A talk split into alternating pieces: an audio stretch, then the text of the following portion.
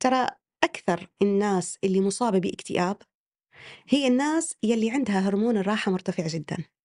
ال- السيدة اللي بدها تنحف آه، أو تفقد وزنها بس عشان زوجها ما عجبه شكلها هذا شيء.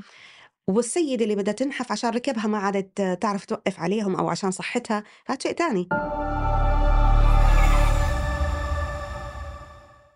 كام مرة حطيت هدف في حياتك وبعد فترة أحبطت شوية أو ما قدرتش تلتزم بيه وقعدت تفكر بينك وبين نفسك هل أنا شخص سيء ولا أنا بس فشلت وهحاول تاني. النهاردة مع دكتورة دجانة بارودي نحاول نعرف بالظبط إيه اللي بيحصل في عقلنا وفي أفكارنا لما بنحاول نلتزم بحاجة وبنفشل فيها. أنا شيماء عبد الخالق ده بودكاست ملاذ أتمنى لكم متابعة طيبة.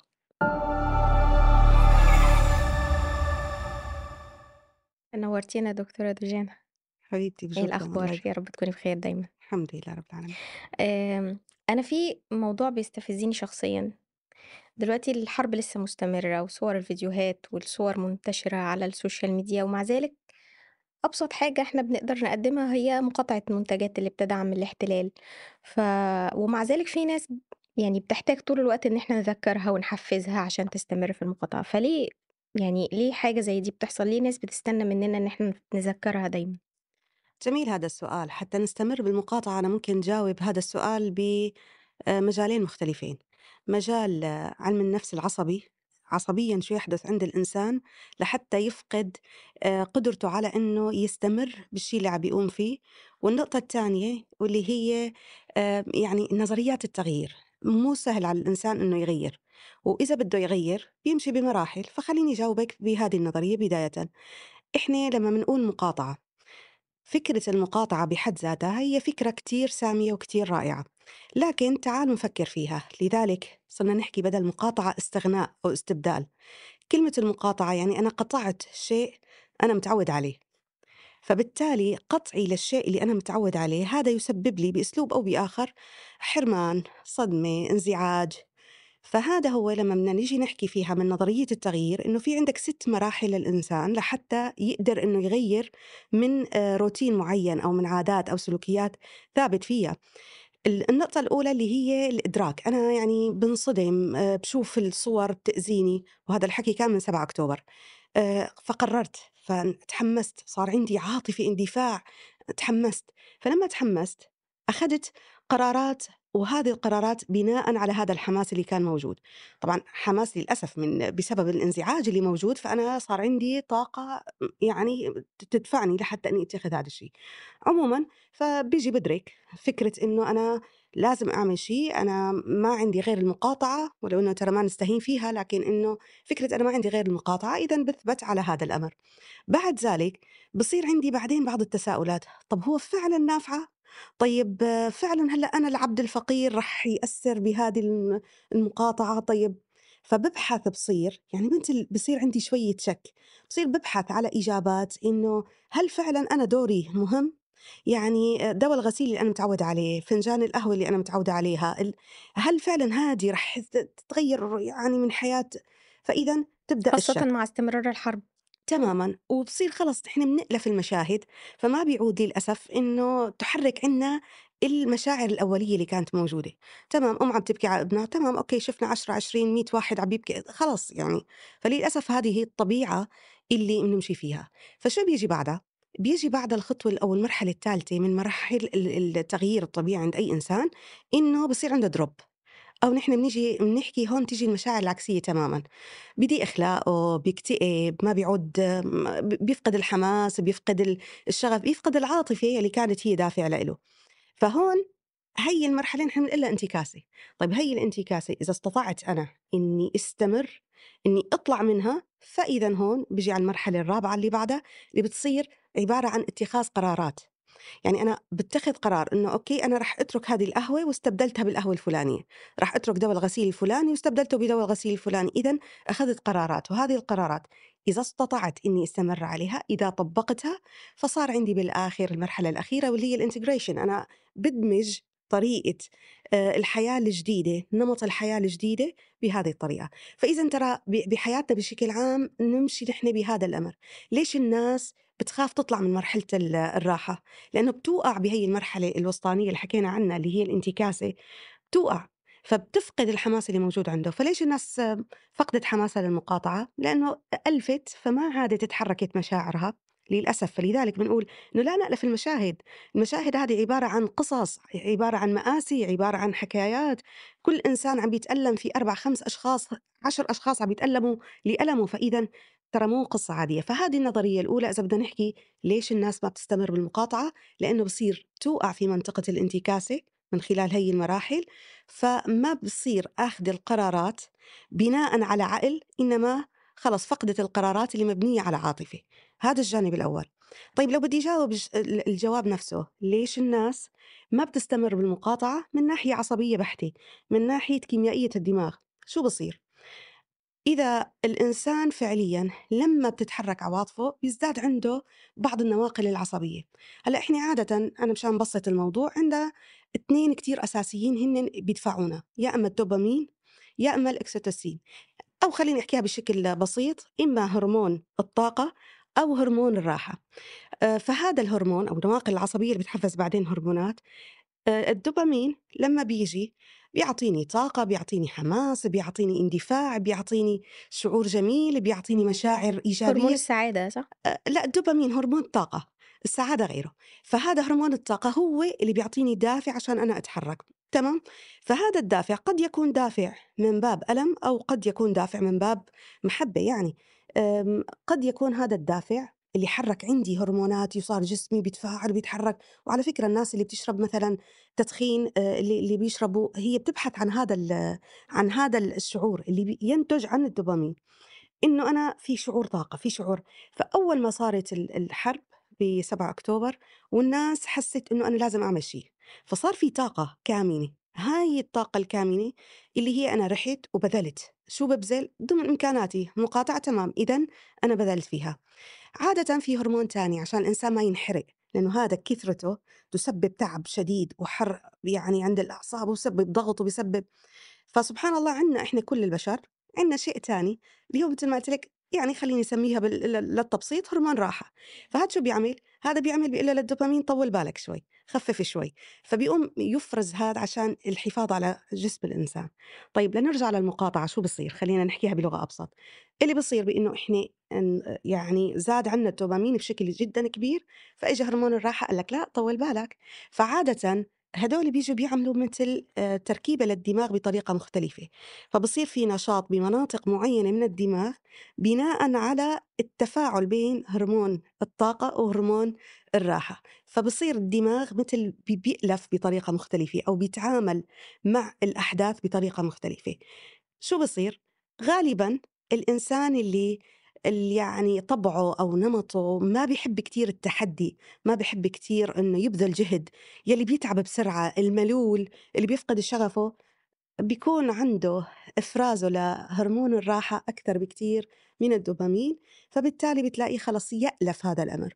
فلذلك أنا مثلا متعودة على قهوة من مكان معين. هي القهوة أنا ما بحسن صحصح إلا إذا شربت هذه القهوة.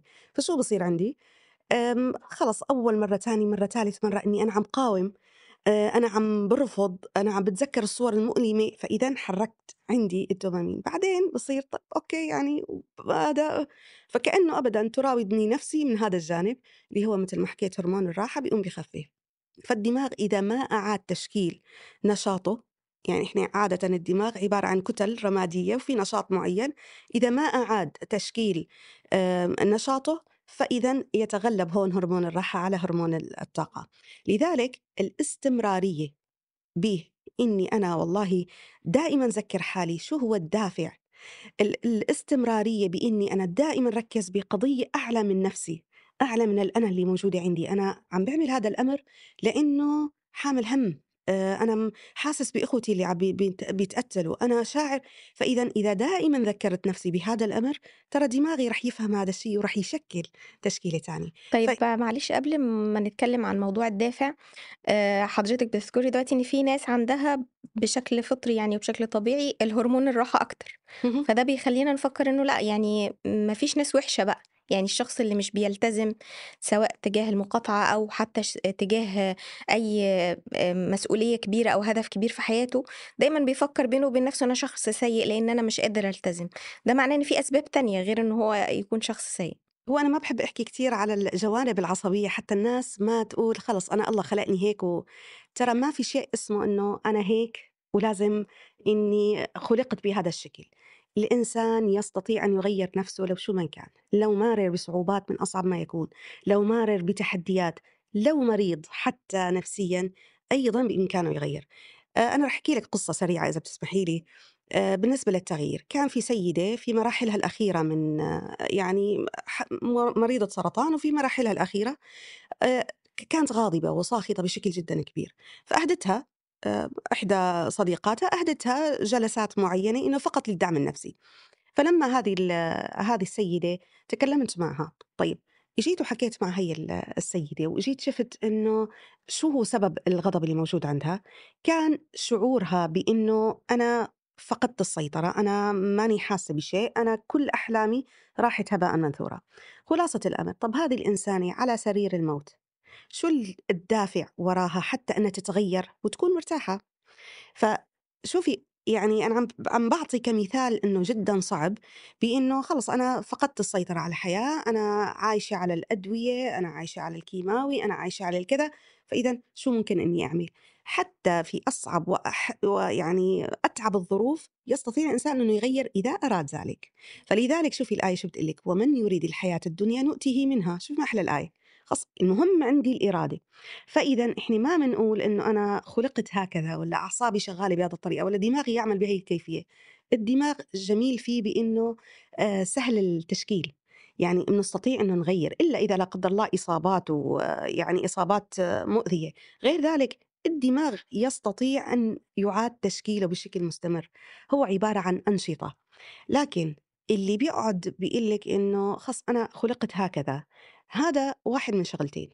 إما بإنه هو حارق نفسه من خلال هرمون الطاقة هذا اللي حكينا عنه الدوبامين حارق نفسه من خلال ألعاب كمبيوتر من خلال إدمانه على بعض شغلات معينة خليته يشعر بهذا الشعور فما عاد شيء يحركه فهذا واحد منهم أو إنسان يعني إحنا مثل ما بنقول لا يتحمل المسؤولية إنسان خلاص رمى المسؤولية عند الآخر بإنه أنا ظروفي هيك أنا ضحية ال آآ أسرة سيئة ربيت فيها، فبالتالي أنا خُلقت بهذا الشكل، فأنا هيك رح أعيش، إذًا إنسان لا يريد أن يتحمّل المسؤولية وبيقول لك أنا ضحية المؤامرات الكونية، أنا ضحية الظروف الحياتية اللي مرّيت فيها.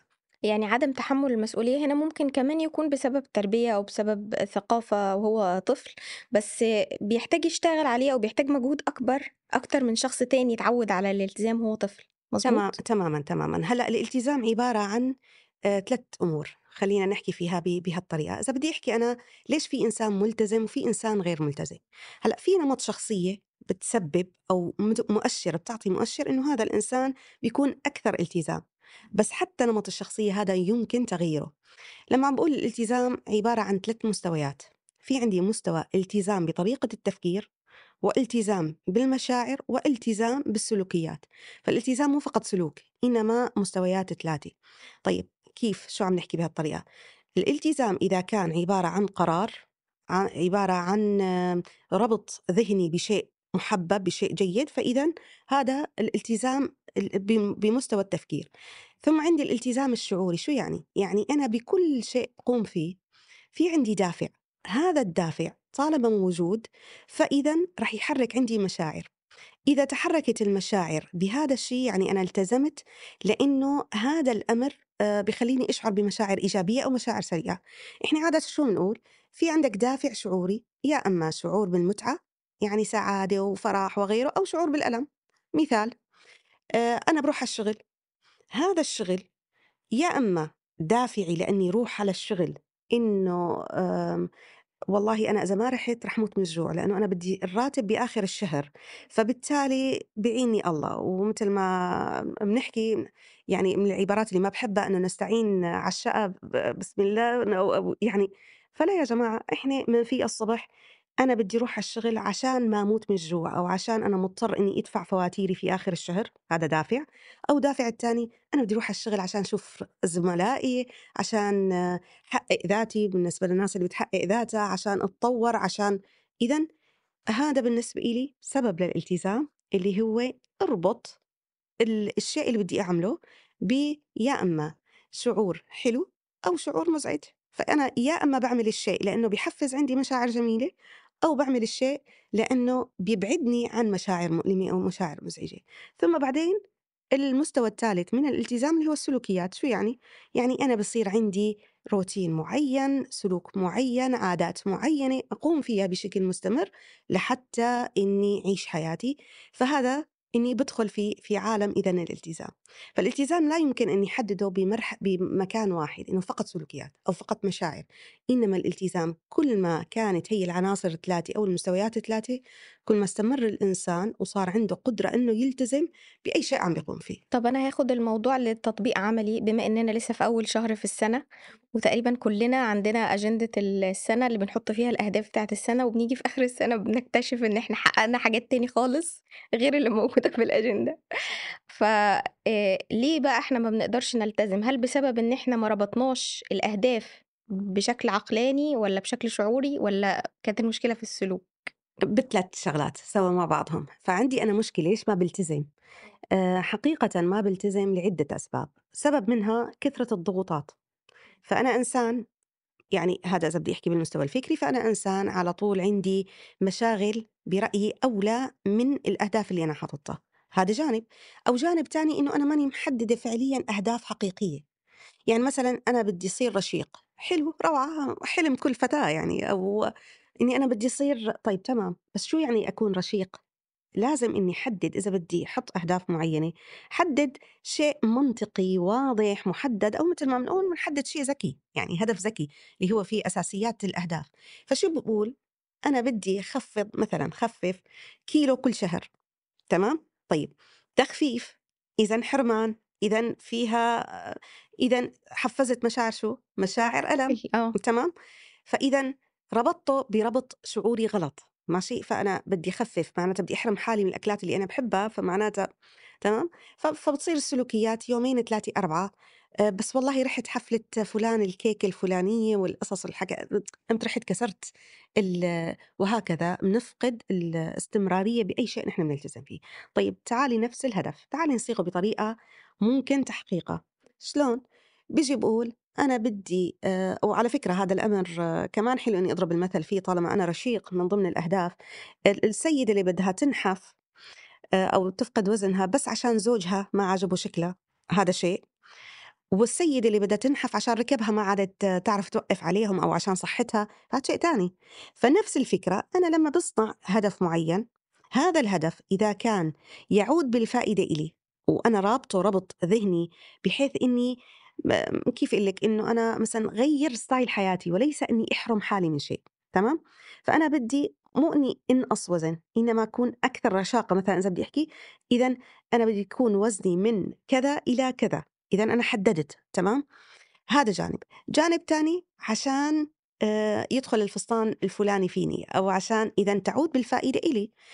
النقطة الثالثة هي عبارة عن يعني أهداف صغيرة تجزئة ال- الأمور. أنا ما بدي أنقص مثلا 50 كيلو طب تمام خلال سنة. يا سلام شو هذا مو مو طبيعي مو. إذا خلال شهر وإذا نقصت مثلا هذا الكيلو خلال الشهر لابد إني أكافئ نفسي. فبهي الطريقة لما بحط هدف مجزأ محدد واضح يعود بالفائدة إلي وفي تحريك لمشاعر جيدة مشاعر حلوة. فبهذه الحالة هذا الهدف أكثر قابلية للتحقيق. كثير نحن شو بصير فينا؟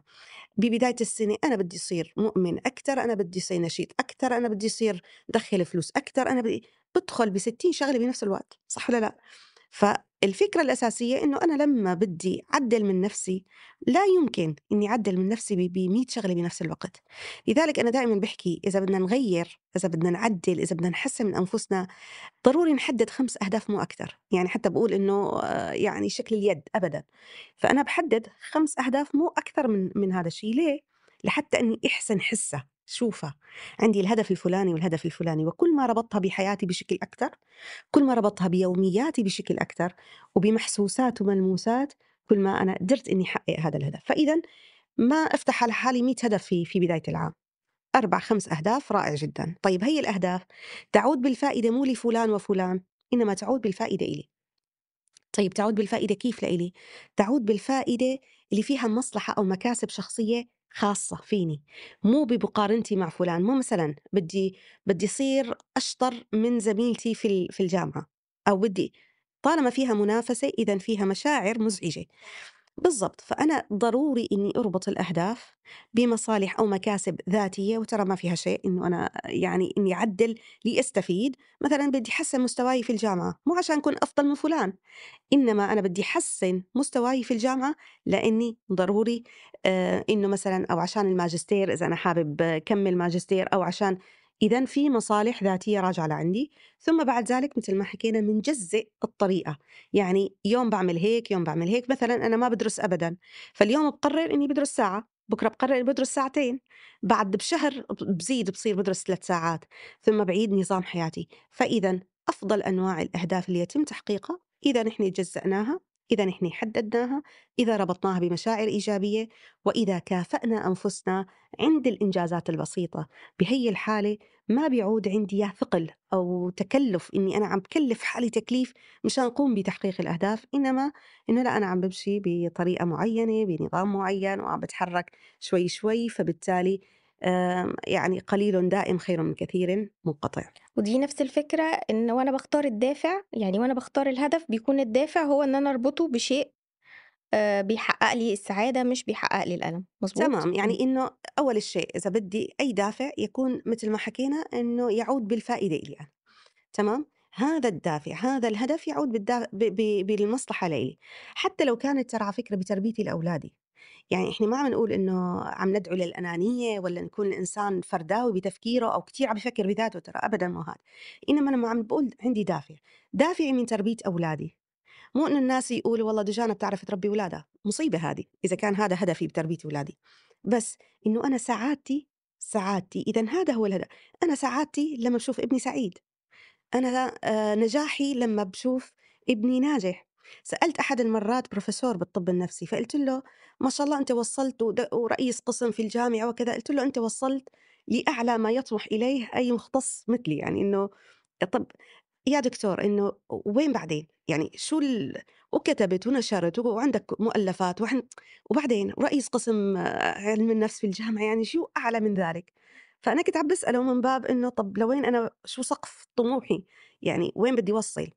فإجا قال لي: "أنا هون اكتفيت، بس استمراريتي بولادي، نجاحاتي بولادي، فأنا نجاح ابني بالتخصص اللي هو اختاره ليس بشرط في في بالتخصص اللي هو اختاره، هذه سعادتي، هذا نجاحي، أنا لمّا أرى ابني فلان عم بيقوم بهذا الشيء، فسبحان الله قلب لي طريقة تفكيري بشكل جدًا كبير، إذًا نجاحات أولادي هو نجاح. لكن أنا أفتخر في هذا النجاح. هو تميز، أنا أفتخر بإنه عرفت ربّي، فإذًا في مرجعية، في شيء يعود إلي بال بالصالح. ترى حتى إحنا شرعًا عندنا في حسنات وسيئات، في كل هذا إحنا بنعمل الشيء مشان الحسنات وبن بنعمل حتى نتقرّب من الله سبحانه وتعالى. طيب الله سبحانه وتعالى غني عنا إحنا كعبد فقير ما لكن إحنا بنقوم بذلك لحتى إحنا نتقرّب من الله سبحانه وتعالى. فبالتالي متل ما حكيت، الدافع يكون ذاتي، دافع يعود بال بالفائدة لإلي، دافع يحركني وغالبًا تحركني المشاعر الإيجابية، لإنه بتعطيني طاقة، لإنه مرتبطة بهرمون السعادة متل ما حضرتِك قلتِ، هرمون الطاقة وهرمون المحبة، هي هرمونات وإلها أسماء معقدة لكن إحنا بنحب نبسطها ونقول هيك هذه المسميات اللي هي العملية للهرمون وليس الاسم العلمي لإلها. فإذًا أ كل ما كانت أي شيء أنا باقوم فيه، الدافع اللي اللي بيخلّيني إني أتحرّك يحرّك عندي هي ال المشاعر، كل ما استطعت إذًا إني أحس ب آآ سعادة أكتر، بطاقة أكتر، بحيوية أكتر، فبالتالي باحقق الأمور اللي أنا باطلّع عليها. ترى أكثر الناس اللي مُصابة باكتئاب هي الناس يلّي عندها هرمون الراحة مرتفع جدًا، ولذلك هناك دراسات بتقول لِك بإنه إذا زادت الراحة وإذا زادت الرفاهية وإذا تأمن وتوفر كل شيء إلك صار فرصتك لأنك تصابي بالاكتئاب أكثر ليه؟ لأنه الهرمونات التانية اللي حكيت عنها ما عادت نشطة. فما عاد هذا صار المسيطر عندِك، فلذلك ضروري عندي حتى لصحتي النفسية إني أنا أشتغل على تحفيز نفسي دائمًا، وعلى شعور الإنجاز دائمًا، بخططي العلاجية اللي باعملها لأي مصاب بالاكتئاب لابد إني أضع إنجازات يومية، واحدة من الواجبات اليومية اللي بنعطيها لأي مراجع أو أي عميل أو أي مريض بالاكتئاب نيجي بنقول له شو هي. تحقيقاتك اليومية؟ أنت شو حققت باليوم؟ شو إنجازاتك؟ من الصبح حط شغلتين أو ثلاثة أنا وقت في الصبح واحد اثنين بدي إني أعملهم تمام آخر اليوم يا سلام أنا أنجزت فهذا الشعور جدا جميل وأنا يمكن تضحك علي بس أنا عادة بالمكتب بحط ستيكي نوت وراء صغيرة أم، الشغلة الفلانية بدي أنجزها أكثر سعادتي لما باخذ هالورقة إني أنجزتها وكرمشها هيك وأرميها بال, بال... إذا أنا أنجزت طيب ما هو على المقابل برضه لمّا بنحُط أهداف حتى ولو قصيرة ما بنحققهاش بيحبطنا. تمام، هلأ ليش ما بي ليش حكينا؟ إنه أنا فعليًا فشلت، أنا فعليًا آآ ما أنجزت، أنا فعليًا تمامًا، بس متل ما حكيت إذا أنا كنت كتير ماني واقعي، فما وضعت أهداف بسيطة، تمام؟ ماني واقعي أكيد رح أصاب بإحباط، عرفتِ كيف؟ ليش؟ متل بتتذكري لمّا حكيت لِك أنا إنه في عندنا هذه مراحل التغيير، في أي تغيير إن كان تغيير في الحياة أو بنمط الحياة أو بطريقة تفكير أو تغيير عملي أو إنه نحن بنمر بمراحل، ب6 مراحل.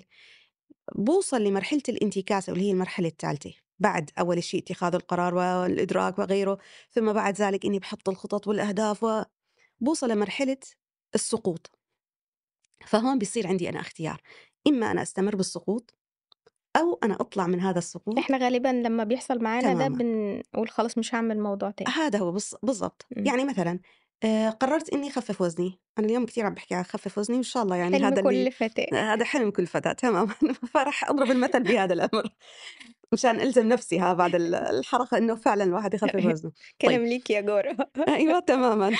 فعم باحكي أنا مثلًا تخفيف الوزن، تمام؟ أنا حطيت ببداية السنة إنه أنا بدي أخفف مثلًا 10 كيلوات حتى أوصل للوزن المثالي، والفائدة وإجيت وحددت إنه ب بمعدل تقريبًا كل شهر كيلو، زائد بدي أصير أمشي أكثر عشان يصير عندي ليونة ومرونة بالجسم وغيره، زائد إجيت حطيت أهداف وهذه الأهداف كافية، دافع جميل مشان صحتي ومشان ما بعرف إيش. إذًا حددت ومشيت بالنظام اللي إحنا بنحكيه. عادي وطبيعي ومن المتوقع إنه الإنسان يُصاب بمراحل فتور. إمم. هذه المراحل الفتور رجعنا حكينا عصبيًا شو السبب؟ إنه يعني الناس. تميل للراحة، إمم. النفس عفوًا تميل للراحة. شو اللي بيصير؟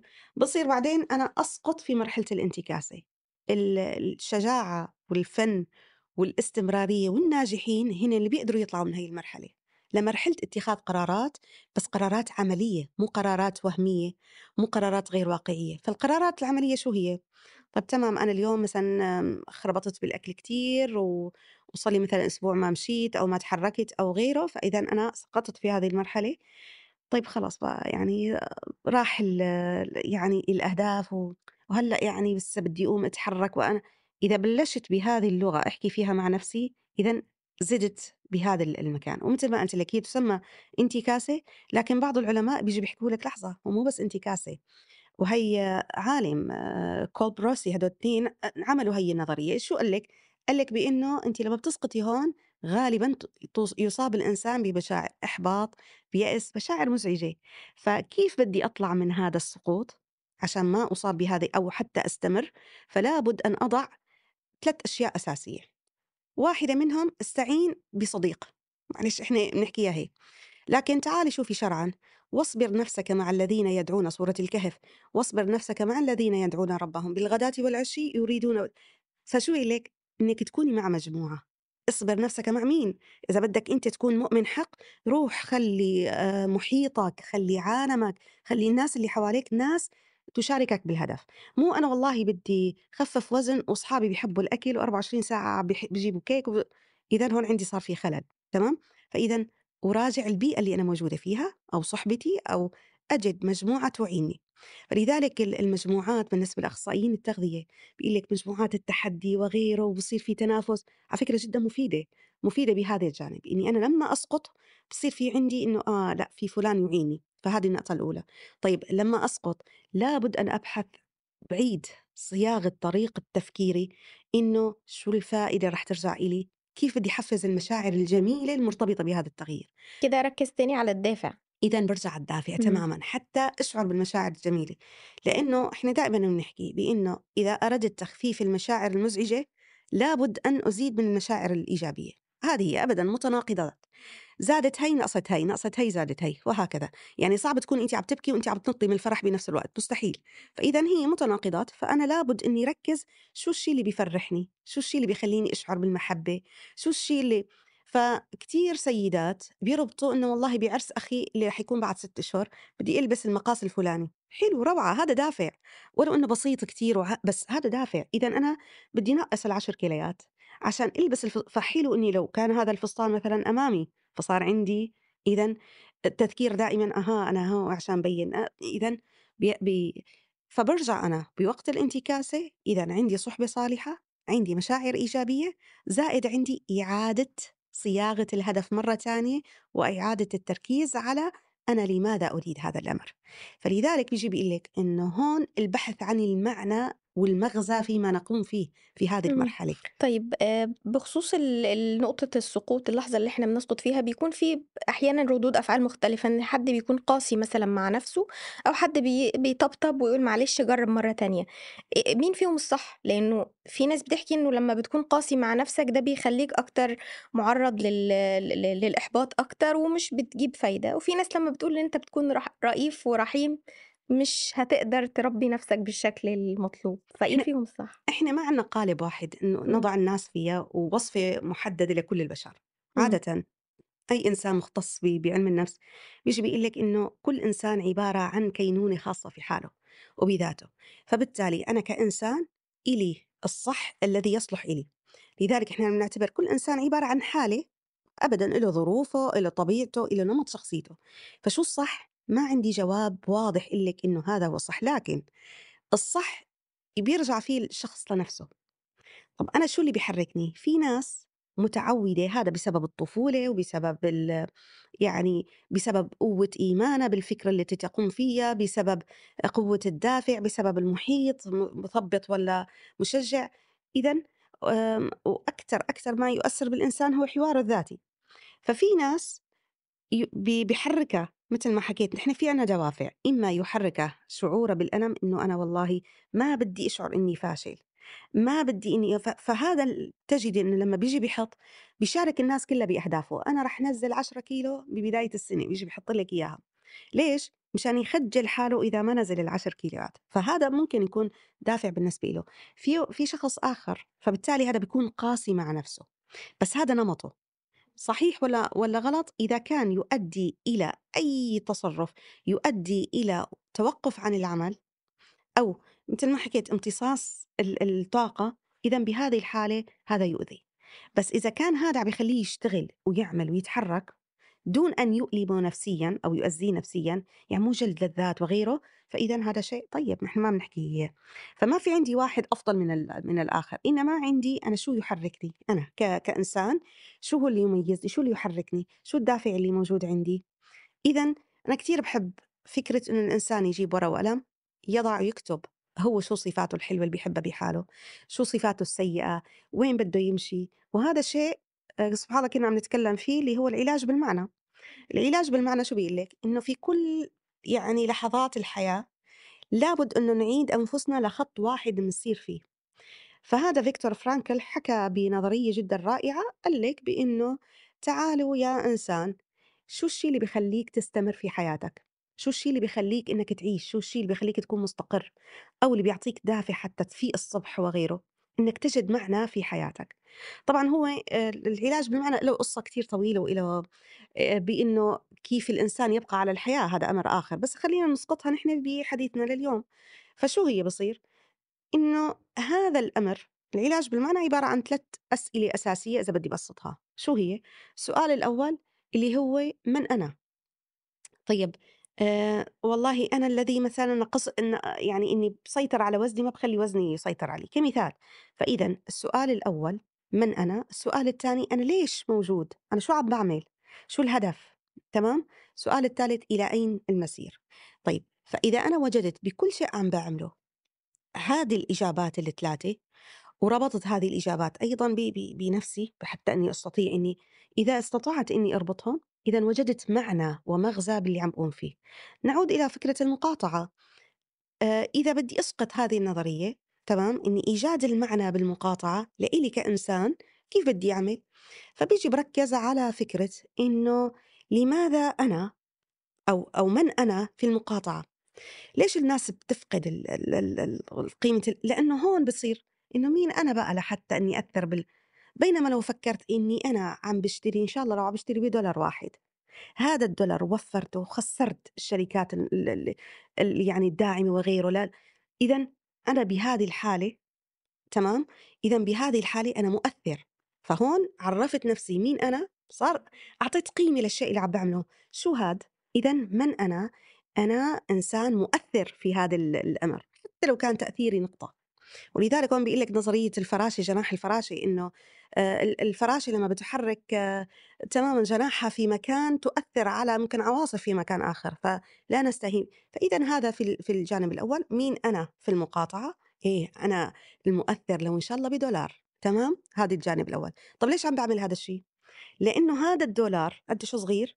بس هذا الدولار لو إن شاء الله ربع رصاصة إذًا هو يؤثّر بقتل إخواني، فإذًا في هدف وهذا الهدف آآ يعني وهذا الدولار هو أقل القليل الذي أقوم فيه بعمل، فإذًا أعطيت سبب منطقي يعطيني معنى لما أقوم فيه.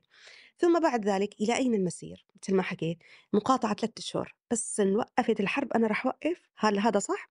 هذا إذًا ما عندي معنى، إنما المقاطعة عندي هي مو مقاطعة مثل ما حكيت فيها حرمان وأذى وغيره، إنما هي استبدال، هي استغناء. فبالتالي بارجع مرة تانية مين أنا؟ أنا الإنسان المُعتز ب ب بما عنا، بوطنيتنا، بكذا، وهكذا. إذًا هذا هو المعنى بكل شيء أقوم فيه، واسقطيها ترى في كل الحياة، يعني نحن ضربنا مثال المقاطعة، لكن هذا ممكن نسقطه بليش باشتغل؟ شو هدفي بالشغل؟ أنا ليش أم؟ كتير أحيانًا تيجي سيدات باسألهم شو بتعملي بحياتِك؟ تقول لي ولا شي. طب يا أختي أنتِ يعني شو مين أنتِ؟ لها أنا ولا شيء، شو شو يعني ولا شيء؟ طب احكي لي لمّا بتفيقي الصبح، أفيق وفيّق أولادي ال5 و ما شاء الله عندِك 5 أولاد، بارجع باقول لها إنه إذًا أنتِ أم ل5 أولاد، كيف مانِك واجدة هذا المعنى؟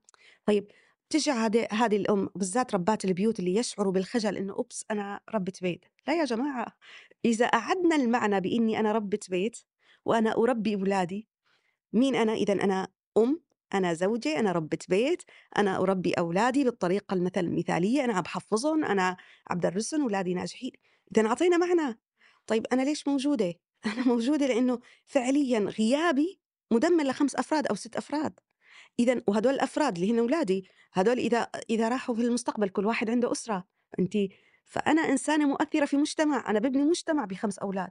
شوفي نفس النظرة إذا أنا ما عطيتها معنى، نفس المهمة، نفس الوظيفة، نفس ال الأمر، ما عطيته معنى، إنه مين أنا؟ ولا شي، شو عم باعمل؟ ولا شي، في بادرس، بنمي طب هذا ش بالضبط، أو فيها مشاعر متل ما حكينا مزعجة، أو الإنسان وبالذات السيدات يلّي تنظر بنظرة إنه هي ولا شيء، رح تكبر هي هي السؤال الثالث اللي حكينا عنه، رح تكبر وتصير بعد مثلًا 10 سنين، 20 سنة، يا إما مرتبطة بأولادها ارتباط آآ وهي ال الحماية اللي بتأذي الكنّة، اللي هي إنه ابني أخدته وبصير في حروب، أو إنه بتصير بإنه والله آمم يعني بعد 10 20 سنة أنا فعليًا الحمد لله متل ما حكيت لِك عن هذا إنه هذا عبارة عن نجاحاتي في حياتي، نجاحات ولادي.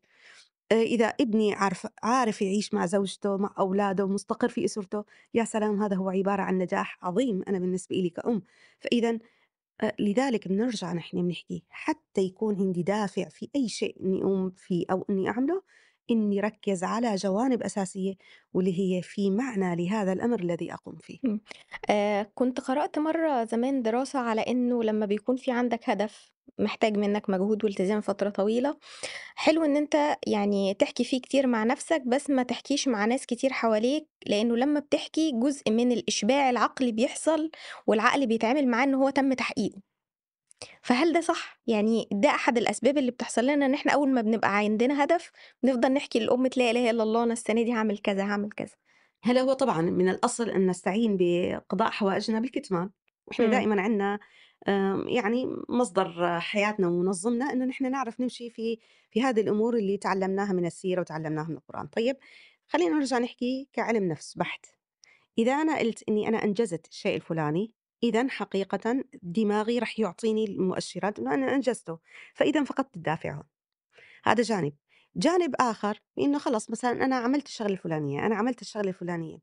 طب في ناس بتيجي بتقول لِك هون مدارس يعني مدارس علم النفس مثل ما بيقولوا تختلف في هذا الأمر، في ناس بتيجي بتقول لِك طيب إذا أنا ما حكيت هذا هذا الشيء فما راح يكون عندي دافع، فبارجع باقول لِك أفضل شيء إني أرجع للإنسان نفسه، لكن فعليًا اللغة اللي باحكي فيها مع نفسي هي اللي تحدد مدى تحقيقي لهذا الهدف والّا لأ.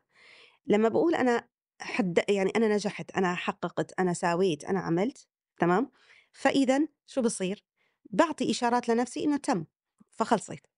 إنما باقول إنه إن شاء الله أنا عم باشتغل، أنا عم باحاول، أنا عم باحسّن، أنا باطوّر، أنا كذا، إذًا ما زلت عم باعطي نفسي إنه أنا ماشية للأمام، ما إني عم ركّز للخلف. فلذلك هذا الأمر بإني أعرف وين اتجاهي. فكرة مثل ما حكيت بلغتي الذاتية لما أنا أتكلم مع نفسي وبيجي بقول إني أنجزت وعملت وسويت إذا كأني أنظر للخلف أنظر للماضي ما عم بعرف إني أمشي وأستمر إلى الأمام يعني إلى المستقبل فبالتالي لما أنا بيجي بتكلم مع نفسي بفكرة إنه أنا رح أعمل أو رح ساوي طب هل جيد إني أصلا شارك الناس في هذا الأمر؟ بارجع باحكي لِك إنه أيضًا بيختلف، في ناس متل ما حكيت يحفّزها ضغط المجتمع، يعني بيكون الشيء الخارجي هي اللي بتضغط عليها، بييجي الدافع خارجي، فبالتالي إذا ما أمي زنِّت على راسي خلّص دراستك، خلّص دراستك، خلّص دراستك، أو إذا ما المجتمع أحرجني، يي أنت بهالعمر لهلأ ما خلّصت دراسة، فإذًا شو بصير معي؟ أنا ما رح أنجز، إذًا هذا دافعي خارجي وهذا أسوأ أنواع الدوافع حقيقةً. أمّا إذا كان دافعي داخلي، إنه أنا عم باشتغل عشان فهون بييجي بيفرق، الناس اللي دافعها خارجي تحتاج إنه تشارك الناس، أنا سأقوم بكذا وأنا رح أعمل كذا، أنا رح ساوي كذا، بس شوفي حتى الآية معناها شو بيقول لِك، الله سبحانه وتعالى بييجي بيقول لِك بإنه آآ الذين يحبون أن يمدحوا معنى الآية بما لم يفعلوا. أو يف ال اللي بيفرحوا ب بشي ما عملوه، تمام؟ شو هو؟ اللي هو إني أنا أجي وأتفشخر وأتظاهر بإني أنجزت وعملت وحققت أمام العالم، فهدول ي يعني لا تحسبهم ب ب يعني آآ بإنه رح رح يكونوا إنه بمفازة من من يعني من العذاب، فهو ما رح يكونوا هدول الناس عايشين والّا مرتاحين والّا كذا، إنما بالعكس، فليه؟ لإنه فعليًا تثبِّط الهمم. مشاركتي للناس بنجاحات غير حقيقية هذه مصيبة، تمام؟ وإذا الناس قعدت وش مدحت هذا وأنا خجلت إنه الناس تشاركني بهذه بنجاحات غير حقيقية ف فهذه مصيبة، فلذلك بارجع باحكي بإنه أنا عندي دافع خارجي، كل ما كان الدافع الخارجي هو الأساس، يعني أنا لا أعمل إلا إذا حصلت على شيء من الخارج، فهذا الإنسان سهل جدًا إنه يُحبط ويُثبط وما يعود عنده دافع ليستمر ولا حتى يلتزم بأي شيء يقوم فيه. بينما إذا كان دافعي داخلي، كان دافعي مثل ما حكينا مثلًا رضا الله سبحانه وتعالى هذا أحلى دافع، إنه والله أنا عم بادرس عشان أحقق والّا أو دافعي إني أكون إنسان فعلًا مؤثر، أنا متألم من الوضع اللي موجود فيه ال الآن حال الدول العربية والإسلامية، فإذًا لابد أن أكون شيء إنسان يقدم شيء، فشوفي هذا الدافع إني مثلًا أنا أنجز دراستي أو إني إني أدرس لامتحان معين. نفس الشيء، أنا بس مشان أمي ومشان المجتمع ومشان آآ أو مشان أحسن أتزوّج في المستقبل لإني إذا معي شهادة رح هذا دافع، بينما أنا عندي لو دافع عظيم في رؤية أكبر منّي في إذًا هذا رح يكون من الداخل، فهل من الصحيح إني شارك الناس؟ ما يعني ما من الجيد إنه نضع كمان متل ما قُلت لِك في قالب معيّن، أنا إنسانة لا أحب أبدًا أن أصنّف أسود أبيض. برأيي الشخصي بإنه في أعداد هائلة من الألوان، مو حتى ال الباليت اللي هي 10 ألوان، إنما إذا مزجنا لون مع لون رح يطلع لِك لون تاني، فما يمكن أن نجيب بإنه نعم أو لا، أسود أو أبيض، هيك نحن جماعة علم النفس بنحب الفلسفة، وبنحب إنه فعلًا نعطي الأمور آآ يعني عمق أكثر من شغلة إنه فقط تصنيفها ووضعها في قوالب محددة. يعني حضرتك وأنتِ بتحكي معايا قبل ال التسجيل إنه في أكتر من موضوع مرتبط حتى بمفهوم الالتزام والشغف ونظرية العلاقات وأشياء من دي، فأنا باعتقد إنه ممكن حكينا يطوّل يعني إن شاء الله، بس النهارده حابة أشكرِك. الله يعطيكِ العافية، شكرًا إلِك. شكرًا لحضرتك.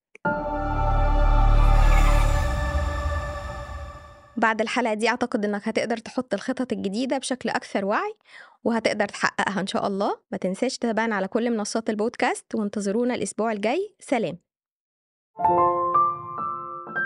بث حديث